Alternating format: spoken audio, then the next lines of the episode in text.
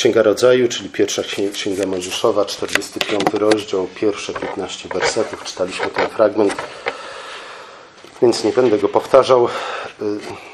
Y, trochę przeskoczyliśmy fragmentów, które y, były czytane poprzednich, przez poprzednie kilka niedziel, mówiących właśnie o Józefie, opowiadających o historii Józefa, więc dzisiaj y, oczywiście nawiążę do dzisiejszego fragmentu, ale też przypomnę kilka rzeczy, które wcześniej się wydarzyły w jego życiu, a które doprowadziły do tego, o czym dzisiaj czytaliśmy, a więc do spotkania i pojednania Józefa ze swoimi braćmi. Wszystko się zaczęło od tego, że, że Józef był po prostu dobrym człowiekiem. Był dobrym synem, był dobrym człowiekiem, był dobrym zarządcą majątku swojego ojca i dlatego ojciec zwrócił na niego uwagę. Jakub prawdopodobnie ze względu na swoje własne doświadczenia wyróżnił swojego Józefa ze względu na to, że zobaczył w nim w pewnym sensie samego siebie. Józef był bardzo podobny do Jakuba, do swojego ojca. E, nie był jak Ezaf, nie był lekko duchem, nie był myśliwym, ale raczej pracował i zarządzał majątkiem swojego ojca. To, że Jakub wyróżnił Józefa, dając mu szczególną szatę, piękną szatę, jak czytamy, oczywiście nie było wyrazem jakiegoś dziwacznego widzimisię, e, nieuzasadnionego widzimisię Jakuba, ale było po prostu rozpoznaniem faktu, że Józef był zarządcą majątku swojego ojca. Józef był człowiekiem, który jak najbardziej do tego się nadawał, zarówno ze względu na swoją wiedzę, na swoje zdolności, ale też ze względu na, na swój charakter. Niestety bracia nie byli zachwyceni. Nie byli zachwyceni temu wyróżnieniu Józefa przez Jakuba. Prawdopodobnie sami chcieli być wyróżnieni. E, problem był tylko w tym, iż e, nie nadawali się do tej roli, którą Jakub przypisał Józefowi. Przynajmniej na razie jeszcze nie nadawali się do tej roli.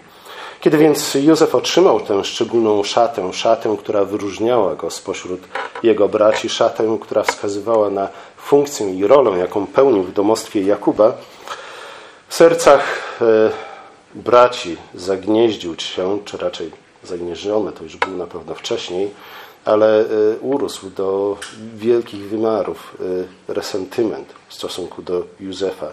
Zazdrościli mu jeszcze bardziej tego wyróżnienia. Zazdrościli mu e, pozycji, którą utrzymał w domostwie swojego ojca, pozycji, którą utrzymał pośród swoich braci. Ich wrogość do Józefa zmogła się tak bardzo, że po prostu postanowili się go pozbyć. Postanowili się go pozbyć poprzez zabicie go. Taki był ich pierwotny plan tylko i wyłącznie ze względu na interwencję Rubena, Józef y, znalazł się w niewoli, a nie został zabity. Jednak ojcu powiedzieli, że, że Józef zginął, został rozszarpany przez, przez dzikie zwierzęta i tym sposobem zgrzeszyli nie tylko przeciwko Józefowi, ale zgrzeszyli także przeciwko swojemu ojcu Jakubowi, który przez wiele, wiele lat żył w przeświadczeniu, iż jego y, ukochany syn zginął i odszedł z tego świata. W ten sposób Józef trafił do domu Potyfara, e, dowódcy gwardii przybocznej faraona, kogoś bardzo ważnego w Egipcie, e, ale znów niewola, do której, w której znalazł się Józef, nie stała się powodem rozgoryczenia, zgorzknienia Józefa, E, choć na pewno nie była to sytuacja, którą Józef sobie wymarzył. Nie? Nikt przy zdrowych zmysłach nie marzyłby o tym, aby jego własni, właśnie bracia najpierw chcieli go zabić, potem sprzedali go do więzienia, tak żeby znalazł się niewolnikiem w obcym kraju e, u obcego pana. To na pewno nie była droga życiowa, którą ktokolwiek z nas i na pewno Józef by sobie wybrał sam z siebie. Później, kiedy Józef opowiadał swoim braciom o tym wszystkim, co się wydarzyło, stwierdził, że to Pan Bóg wysłał go. Nie? Że to nie oni wysłali go do, do Egiptu, ale to sam Pan Bóg wysłał go do, do Egiptu. I w tym widzimy y, cechę szczególną charakteru Józefa. Nie? Cechę, cechę szczególną, która sprawiła, że Bóg wysłał go do Egiptu. Po to, aby tam przygotował miejsce dla swoich braci, dla swoich bliskich, dla swojego ojca aby uratować ich od śmierci głodowej. Żaden inny z synów Jakuba nie nadawał się do tej roli. Nikogo innego Bóg nie mógł posłać do niewoli egipskiej, żeby przygotować tam miejsce dla, dla swoich bliskich. Tylko Józef, najlepszy z braci, nadawał się po to, aby Bóg wysłał go do niewoli, by przygotował tam miejsce dla swojej, dla swojej rodziny, dla swoich bliskich. Józef w domu Potifara e, zachowywał tak, się tak, jak w domu swojego ojca. Był wiernym sługą swojego pana.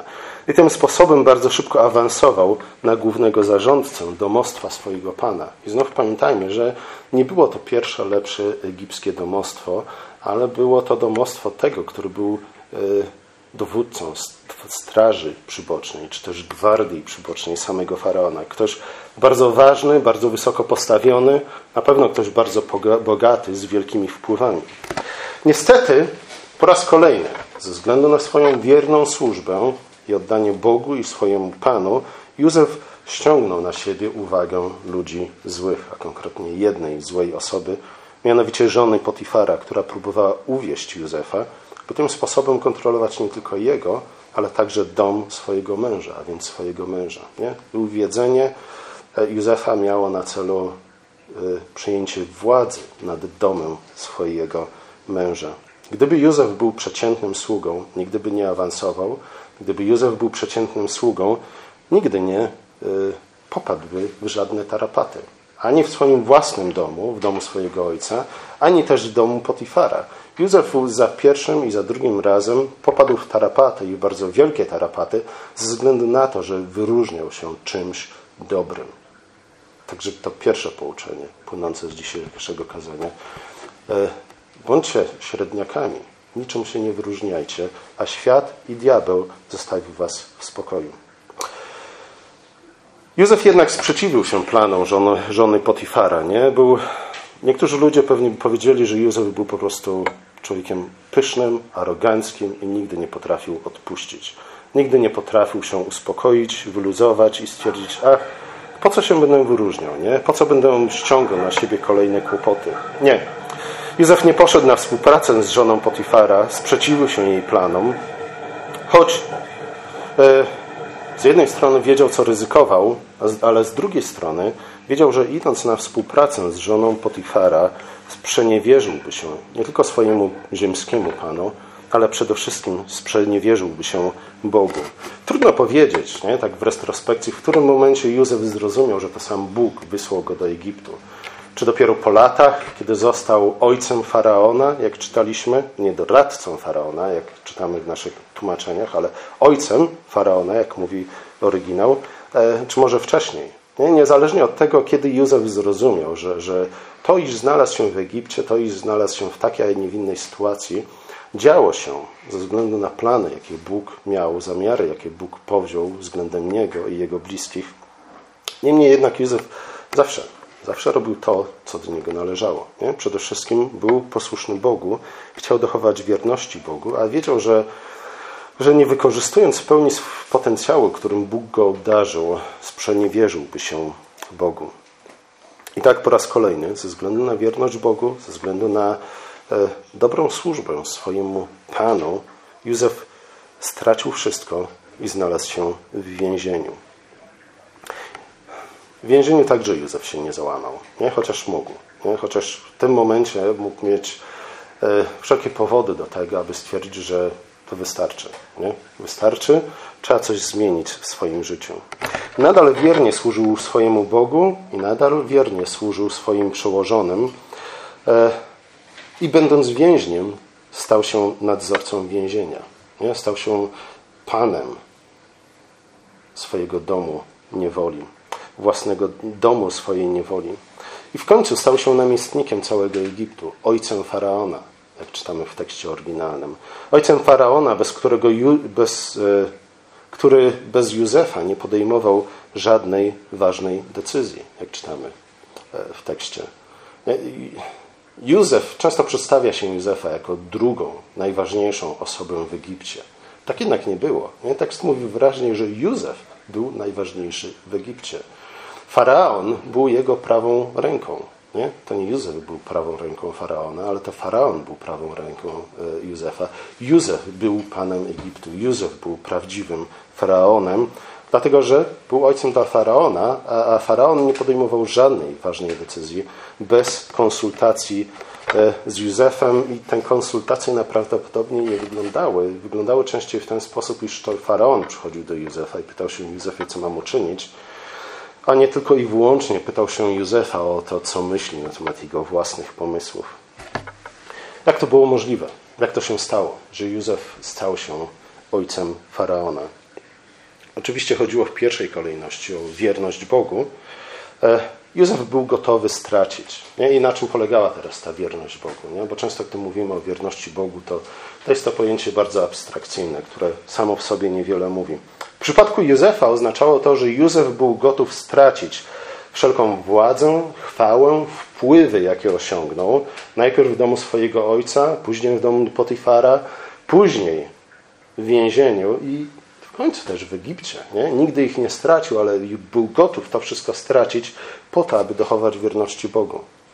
Nie? Często, często jednak myślimy w inny sposób. Nie? Często myślimy, że gdybyśmy tylko otrzymali odrobinę władzy, nie? to wtedy, mogli, jak, wtedy moglibyśmy zrobić dużo dobrego. Nie? Józef, Józef jednak myślał w inny sposób. Mówił przede wszystkim, powinienem czynić dobro tu, gdzie jestem. Nie? Dobro, które jest dla mnie osiągalne, dobro, które jestem w stanie uczynić tu, nie te, tu i teraz, a nie marzyć o tym, żebym znalazł się w innej sytuacji, e, w innym miejscu, e, z większą dozą władzy i wtedy dopiero będę mógł uczynić coś dobrego. Józef był gotów zrezygnować z wszystkiego po to, aby być wiernym Bogu, po to, aby czynić dobro. Był nawet w stanie zrezygnować z tego, co nam by się wydawało być e, najlepszą okazją do czynienia dobra. Jednocześnie Józef znał i rozumiał zasady, według których Bóg uporządkował świat, e, uporządkował ludzkie społeczeństwa dzięki czemu był bardzo cennym pracownikiem. No, to jest ta druga cecha. Pierwsza, wierność Bogu, oddanie Bogu, które wyrażało się tym, iż Józef był zrezygnować z wszelkiej władzy, chwały, wpływów, po to tylko, aby dochować wierności Bogu. Ale z drugiej strony Józef nie był ignorantem. Nie? Józef był człowiekiem uczonym. Józef był człowiekiem, który posiadał wielką wiedzę e, i wiedział, w jaki sposób ją zastosować.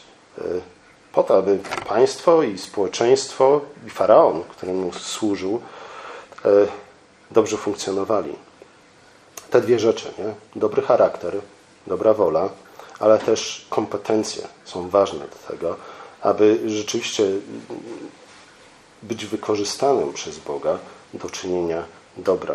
Gdyby Józef miał wielką władzę, albo był człowiekiem złego charakteru, albo gdyby Józef miał wielką władzę, albo był człowiekiem nikczemnym, ta władza na nic dobrego by się nie przydała. Nie? W ten sposób to funkcjonuje. Józef doszedł do tak wielkiej władzy przez cierpliwe znoszenie przeciwieństw i prześladowań, przez pokorną i dobrą służbę. I w końcu stał się człowiekiem, któremu nie tylko faraon, ale sam Bóg powierzył władzę nad całym światem, dzięki której Józef mógł nakarmić cały świat, jak mówi pismo. W końcu, kiedy głód nastał również w Kanaanie, bracia wysłani przez Jakuba dotarli do Egiptu. Nie będę powtarzał jeszcze raz tej całej historii. Pamiętacie, że to były dwie wizyty, tak? Dwie wizyty? A może trzy wizyty? Kto pamięta? W każdym razie e, Józef w tym rozdziale, który czytaliśmy dzisiaj, ponownie spotkał swoich braci, którzy przybyli do Egiptu po raz kolejny po to, aby e, pozyskać żywność. Gdy Józef w końcu dał im się poznać, bracia strasznie się zlękli, strasznie się przestraszyli. Woleli spotkać e, ojca Egiptu, którym nie byłby Józef, niż samego Józefa, który piastował tę funkcję. Dlaczego bracia się tak bardzo przestraszyli Józefa? Nie? Dlatego, że Józef, e, osiągnąwszy w końcu to wszystko, nie? o czym dawno temu im mówił, co dawno temu im zapowiadał ze względu na sny, jakie otrzymał od Boga, e, myśleli, iż Józef postąpi z nimi tak, jak oni wcześniej postąpili z nim.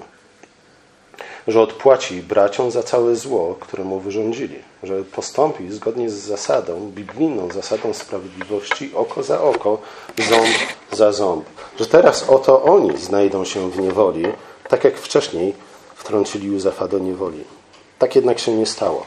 Józef e, zamiast odpłacić swoim braciom za to, co spotkało go z ich strony, okazał im miłosierdzie.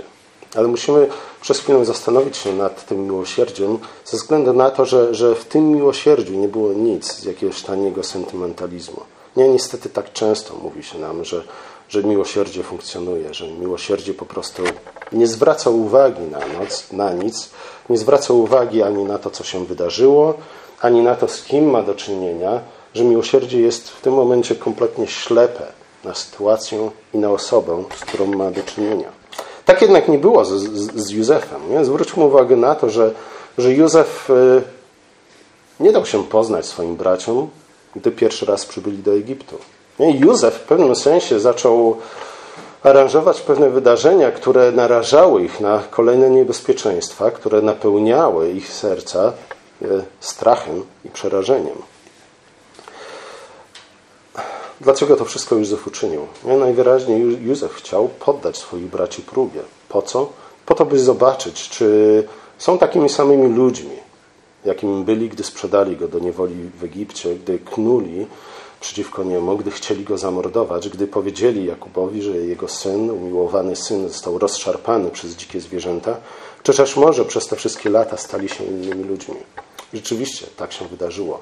Bracia, którzy przychodzą do Józefa do Egiptu, są już innymi ludźmi niż byli lata wcześniej. Kiedy Józef chciał zatrzymać Beniamina w Egipcie, wtedy w jego obronie stanął nie kto inny, ale Juda. Ja pamiętamy, że Juda był tym, który przewodził braciom w tym pierwszym ataku na Józefa. Juda był tym, który przewodził braciom. Nie?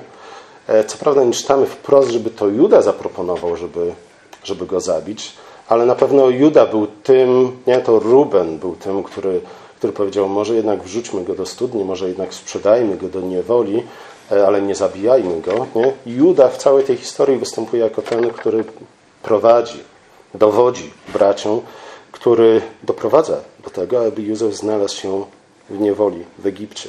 Nie? Józef, Juda wcześniej nie miał problemu z tym, żeby Józefa, umiłowanego brata, e, syna swojego ojca, sprzedać do niewoli, a nawet zabić. Nie? Teraz ten sam Juda staje w obronie e, Beniamina. Kilka rzeczy jeszcze trzeba powiedzieć, żebyśmy e, zobaczyli, jak bardzo te dwie sytuacje są podobne. Beniamin, podobnie jak Józef, był umiłowanym synem swojego ojca. Nie? Jakub nigdy nie krył tego, że, że po śmierci, jak uważał, po śmierci Józefa, Beniamin stał się jego oczkiem w głowie. Nie wiemy dokładnie, dlaczego tak było. Prawdopodobnie znów nie chodziło o jakiś zwykły, tani sentyment. Były ku temu przyczyny, dla których Jakub umiłował Beniamina w szczególny sposób. E, to jest pierwsze podobieństwo. Nie? Jeden i drugi, Józef i Beniamin, byli ulubieńcami swojego ojca. W pierwszym przypadku, w przypadku Józefa, to, że Józef był ulubieńcem swojego ojca, to, że Jakub wyróżniał Józefa, sprowadziła na niego wrogość jego braci. W przypadku Beniamina nie widzimy tego. Ale jest jeszcze jedno podobieństwo pomiędzy Beniaminem i Józefem, e, może nieprawdziwe, ale zaaranżowane przez Józefa. Pamiętacie, że e, w którymś momencie Józef kazał włożyć do worka Beniamina kubek, przy pomocy którego przepowiadał przyszłość. Nie? Także w którymś momencie e, słudzy Józefa znaleźli ten kubek w worku Beniamina. Oczywiście bracia wiedzieli, co to za kubek. Wiedzieli, że ten kubek służy do przepowiadania przyszłości, a zatem w tej sytuacji mogłoby się zdawać, że Beniamin po prostu przywłaszczył sobie ten kubek, ponieważ podobnie jak Józef, także chciał zostać jasnowidzem, tym, który widzi przyszłość. No i zwróćmy, pamiętamy, pamiętamy o tym, że, że Józef zaskarbił sobie szczególną wrogość swoich braci właśnie potem, gdy podzielił się e, z nimi swoimi snami, które otrzymał od Boga. Nie? Snami, w których 11 snopów e, przedstawiających jego braci kłaniają się jego snopowi, czyli jemu, kiedy 11 gwiazd, a także słońce i księżyc kłaniają się e, gwieździe Józefa. Nie? Według braci był, był to przejaw tego, iż Józef y, w jakiś sposób próbował dominować nad nimi i sądził, że właśnie przyszłość do tego doprowadzi. Sny, które Józef otrzymywał od Boga, oczywiście bracia nie za bardzo wierzyli, że, że to są sny prawdziwe, które otrzymał od Boga. Raczej wydawało im się to kolejnym przejawem jakiejś megalomanii Józefa. Nie? E, niemniej jednak mogli połączyć te dwa wydarzenia z tym, co się teraz, te dwa wydarzenia. Sny Józefa i kubek, który służył do przepowiadania przyszłości, który znaleziono w worku Beniamina. Czyżby Beniamin również chciał zostać jasnowidzem? Nie? I również w tym chciał upodobnić się do Józefa. E, przynajmniej te dwie rzeczy mogły wskazywać na to, iż Beniamin idzie śladami Józefa, iż Beniamin chce być podobny do Józefa. Zobaczcie, gdyby bracia w niczym się nie zmienili przez te wszystkie lata, zareagowaliby w tej sytuacji dokładnie w ten sam sposób, w jaki zareagowali na sny Józefa. Wrogością, niechęcią, zawiścią, chęcią zemsty, pomsty, pozbycia się tego brata, który podobnie jak Józef chciał być najważniejszy między nimi. Jednak tym razem zachowali się całkowicie odmiennie niż wcześniej. Zwłaszcza Juda zmienił się i był gotów poświęcić tym razem własną wolność, by uratować swojego brata. Nie? Zachował się całkowicie odmiennie niż wcześniej w stosunku do Józefa. Józef potem właśnie poznał, że ma do czynienia z innymi ludźmi, nie? że przez te wiele lat y, oni się zmienili, zmienili się na, się na lepsze. Nie? I dlatego nie tylko dał im się poznać, ale także okazał im miłosierdzie. Bracia zasłużyli na surową karę za to, jak potraktowali Józefa. Józef doskonale zdawał sobie z tego sprawę. Kiedy jednak okazał im miłosierdzie, ze względu, okazał im jednak miłosierdzie ze względu na zmianę, jaka w nich nastąpiła. Bóg im przebaczyć grzechy, które jemu osobiście wyrządzili, ze względu na to, że sprawa dotyczyła, była między nim a jego braćmi. Kiedy posmakowali bracia Józefa trochę cierpienia, trochę niedoli, Józef uwolnił ich z więzienia i pozwolił zasiąść obok siebie na jego tronie, by wraz z nim stali się władcami świata. Ta próba, której poddał Józef swoich braci, była konieczna do tego, aby Józef przekonał się i upewnił się, że, że w końcu jego bracia dojrzeli do sprawowania władzy. Nie? Dlaczego to było ważne? Józef nie mógł dopuścić ich do. Yy, do tego, aby zasiedli razem z nim, obok niego na tronie i sprawowali z nim władzę nad Egiptem, gdyby bracia Józefa byli takimi samymi ludźmi, jakimi byli wtedy, gdy sprzedali go do niewoli. Nie? Ze względu na to, że gdyby tak uczynił, gdyby powierzył im jakokolwiek władzę, gdyby powierzył im jakiekolwiek wpływy w Egipcie, e, gdyby byli tymi samymi ludźmi, nie? gdyby w żaden sposób się nie zmienili, gdyby nie stali się lepszymi ludźmi, e, Józef nie uczyniłby w ten sposób nic dobrego. Nie? Być może doprowadziłby do pojednania ze swoimi braćmi, ale wtedy Egiptem rządziłby klan złych ludzi, klan nikczemników. Ludzi, którzy byli gotowi zabić własnego brata nie? po to, żeby nikt nie stał nad nimi, po to, aby nikomu nie służyć, po to, aby przed nikim nie zginać karku.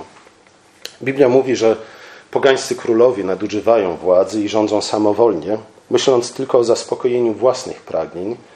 Chrześcijanie jednak mają sprawować władzę w inny sposób. Mają przede wszystkim sprawować władzę poprzez służbę.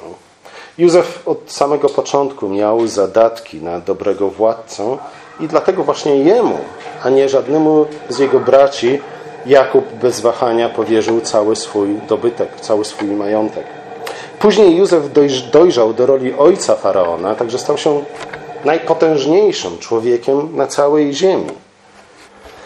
E, kiedy służył wiernie w domu Potyfara, a następnie kiedy zarządzał wiernie więzieniem, w którym sam był zamknięty jako więzień,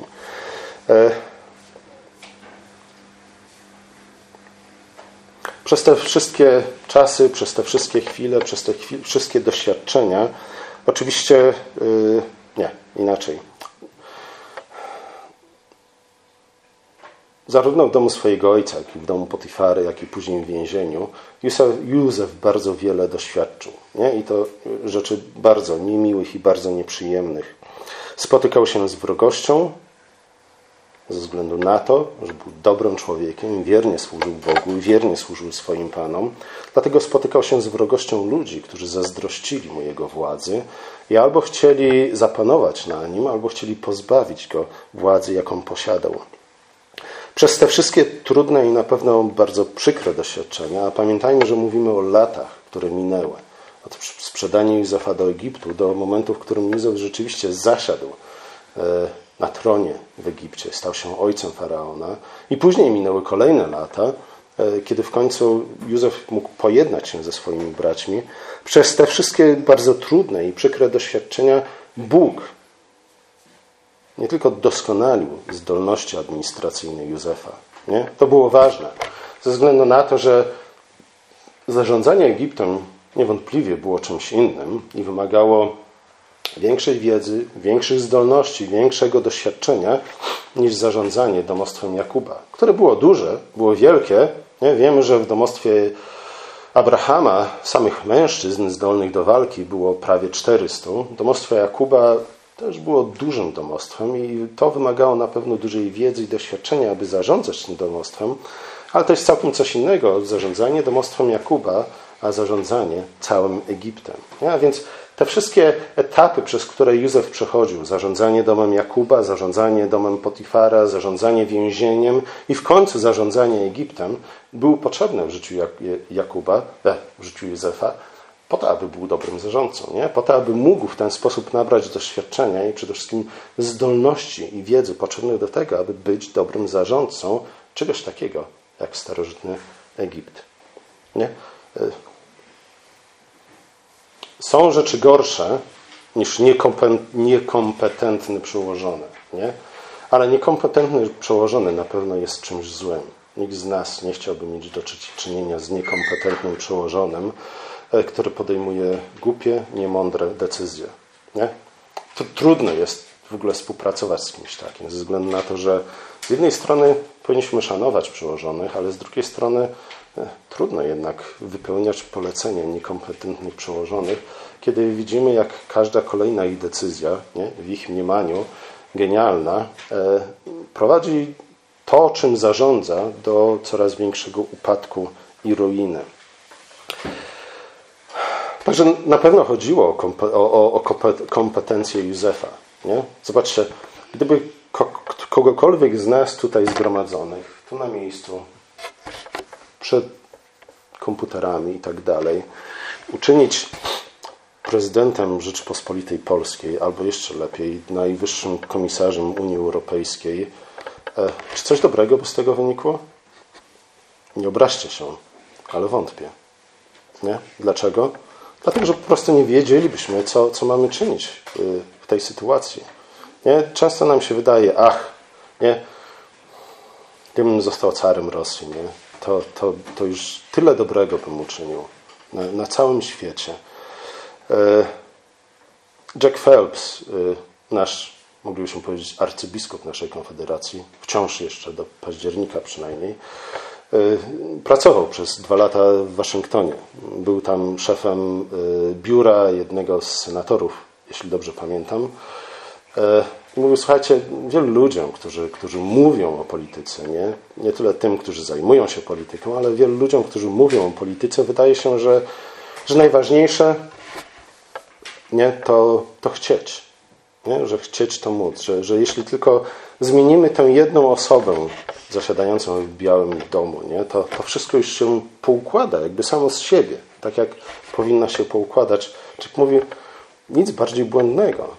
Nie? Po pierwsze, że, że nawet gdyby w Białym Domu zasiadła jak najbardziej kompetentna osoba, co rzadko się zdarza, e, to samo pewnie moglibyśmy powiedzieć o, o, innym domu, który stoi przy Alejach Ujazdowskich, ale mówi, słuchajcie, to jest tak wielka machina, że, że człowiek, który po prostu nie wie, jak ona funkcjonuje, kompletnie się w niej pogubi. Nie, nie, nie wystarczy mieć dobre chęci, żeby móc cokolwiek zmienić. E, a zatem po pierwsze kompetencje. Nie? Józef musiał wzrastać, musiał zdobywać coraz lepsze, większe kompetencje po to, aby coraz większa, aby mógł przejąć coraz większą władzę i nie uczynić nic złego ze względu na brak kompetencji, nie? ze względu na, wie, na niewiedzę, ze względu na, na brak doświadczenia. To było bardzo ważne. Nie?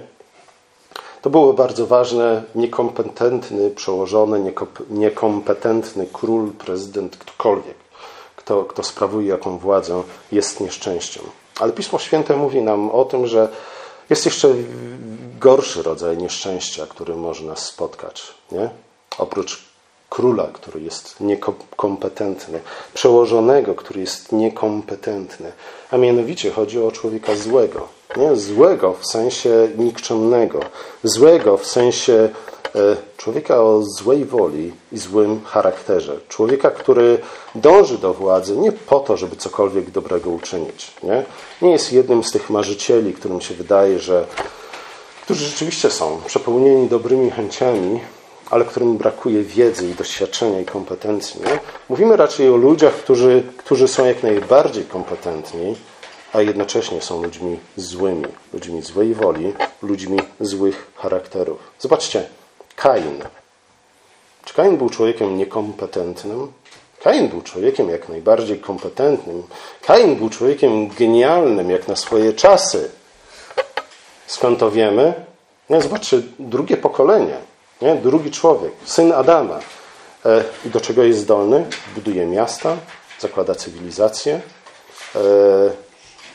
Jego potomkowie są tymi, którzy wymyślają instrumenty muzyczne, tymi, którzy badają ten świat, tymi, którzy są pierwszymi rzemieślnikami, tymi, którzy wiedzą, w jaki sposób wydobyć te wszystkie dobra, które Bóg ukrył w ziemi i zrobić z nich coś jeszcze lepszego. Narzędzia, instrumenty itd. Tak itd. Tak nie? Kain był człowiekiem kompetentnym. Kain był człowiekiem mądrym w tym sensie, że posiadał przeogromną wiedzę i ogromne zdolności, dzięki którym był w stanie wykorzystać tę wiedzę. Nie? Tu nie jesteśmy w stanie nic zarzucić Kainowi. Kaina problem był inny. Był po prostu złym człowiekiem.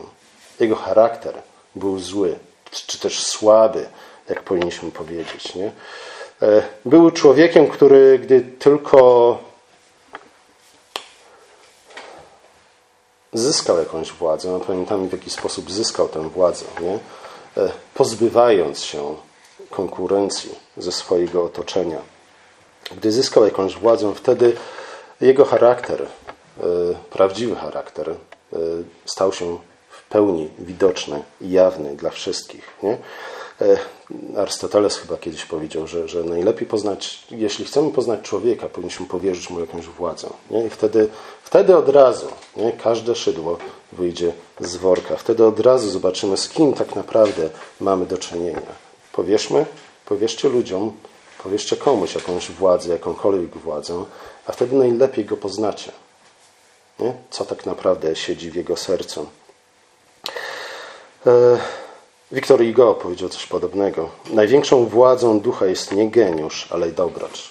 Nie? Co wcale nie znaczyło, że, że mamy, mamy wybierać na przełożonych, czy też sami mamy zabiegać przede wszystkim o to, aby, aby być ludźmi dobrze usposobionymi do innych. Nie? E, geniusz jest potrzebny do sprawowania władzy, ale geniusz bez dobroci mm, staje się narzędziem opresji. Nie? Geniusze, którzy nie są dobrzy, a dochodzą do władzy, stają się tyranami. Adam miał być królem, miał być ojcem królów i rzeczywiście nim się stał. Ale królowie, których był ojcem, okazali się być ludźmi, którym może nie brakowało wiedzy, nie brakowało zdolności, nie brakowało nawet doświadczenia, ale na pewno brakowało im dobrego, mocnego charakteru. I w ten sposób stali się tyranami. Zarówno król, któremu brakuje wiedzy, jak i król, któremu brakuje dobrego charakteru, są y, przekleństwem dla poddanych. Nie? Przy czym król, który jest geniuszem, ale jednocześnie jest człowiekiem złym, jest na pewno o wiele większym przekleństwem niż król, który ma dobre chęci, ale jest po prostu głupkowaty. Nie? Ten nie uczyni tak wiele złego. Także z dwojga złego na pewno lepszy jest król, który ma dobre chęci, ale, małą wiedzę niż król, który jest geniuszem, a jednocześnie ma złe, zepsute serce. Jedni i drudzy szkodzą przez, y, jedni szkodzą przez niekompetencję, drudzy szko- szkodzą przez złą wolę. E, dlatego Chrystus nie od razu powierza nam wszelką władzę, którą może chcielibyśmy posiąść. Nie dlatego Chrystus także nam powierza władzę po trochu, coraz więcej, coraz więcej, ale nie całą naraz, ze względu na to, że zbyt wielka władza w rękach ludzi o zbyt słabym, słabym charakterze e, zawsze prowadzi do upadku. Nie? Przypomina nam o tym historia Kaina, Lamecha, e, to wszystko, co doprowadziło do potopu. A z drugiej strony przypomina nam o tym historia Jakuba, historia Józefa. I zwróćmy uwagę na to, że, że historia Józefa jest ostatnią historią pisaną w pierwszej księdze Mojżeszowej, księdze rodzaju. Nie? Co też e, jest bardzo ważne, co mówi nam bardzo wiele na temat tego, co powinniśmy, czego powinniśmy oczekiwać. Może niekoniecznie w życiu każdego jednego z nas, ale na pewno w historii świata. Nie? Ze względu na to, że ta księga wskazuje nam na ogólną trajektorię, w której, e, którą zmierza historia świata. Nie? Józef jest oczywiście tym Chrystusa. Chrystus jest wielkim Józefem. I zwróćcie uwagę na to, jak bardzo wiele podobieństw widzimy między Chrystusem i Józefem. Nie? Zanim Chrystus, zanim Chrystusowi została powierzona wszelka władza w niebie i na ziemi, to co? Musiał przez wiele przejść, podobnie jak Józef. Został odrzucony i zdradzony przez swoich bliskich, przez swoich braci. Nie? Chrystus musiał przez wiele przejść i list do Hebrajczyków przypomina nam o to, nie? Że, że musiał przejść przez wiele, musiał wiele wycierpieć po to, aby dojść do doskonałości, po to, aby zasiąść w końcu na, na tronie.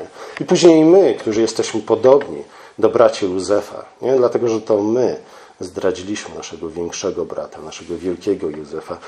Również my musimy przez wiele rzeczy przejść, tak jak pierwszy Kościół nie? przez wiele przeszedł, po to, aby w końcu zasiąść na tronie wraz z Chrystusem i po to, żeby Chrystus mógł zaufać nam i powierzyć nam władzę, którą sprawować możemy razem z Nim. Pomódlmy się. Nasz drogi łaskawy Ojcze, dziękujemy Ci za historię Józefa, dziękujemy Ci za, przede wszystkim za Twojego Syna, Jezusa Chrystusa. Prosimy Cię o to, abyśmy patrząc na, na jednego i drugiego, e, z jednej strony czerpali zachętę do tego, aby zabiegać o rzeczy wielkie, e, a także o wpływy i władzę i chwałę, dzięki którym moglibyśmy uczynić wiele dobrego. Ale z drugiej strony, Ojcze, prosimy Cię o to, aby ich przykłady były dla nas pouczeniem, przestrogą, że zbyt wiele władzy powierzonej ludźmi, ludziom, czy to głupkowatym, czy to po prostu słabego charakteru, e, zawsze prowadzi do wielkiego zła. Prosimy Cię, Ojcze, o to, abyś e, zachował nas od tego, byśmy kiedykolwiek stali się tyranami dla naszych bliskich, e, dla naszych podwładnych, dla ludzi, których stawiasz na naszej drodze. Amen.